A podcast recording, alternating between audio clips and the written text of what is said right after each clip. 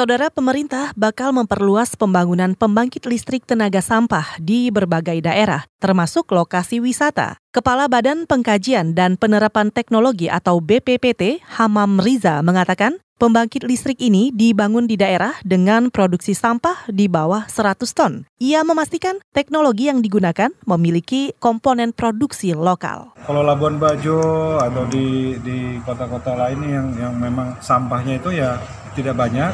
Ya. Nah, itu kita akan terus kembangkan untuk daerah-daerah itu. Kepala Badan Pengkajian dan Penerapan Teknologi Hamam Riza juga menambahkan, Proyek pembangkit listrik tenaga sampah menggunakan teknologi termal yang ramah lingkungan. Proyek percontohan telah diresmikan di Bandar Gebang, Bekasi, Maret lalu. Proyek yang dinamai Pembangkit Listrik Tenaga Sampah Merah Putih mampu mengolah sampah 100 ton per hari dan menghasilkan listrik sebesar 760 kilowatt per jam.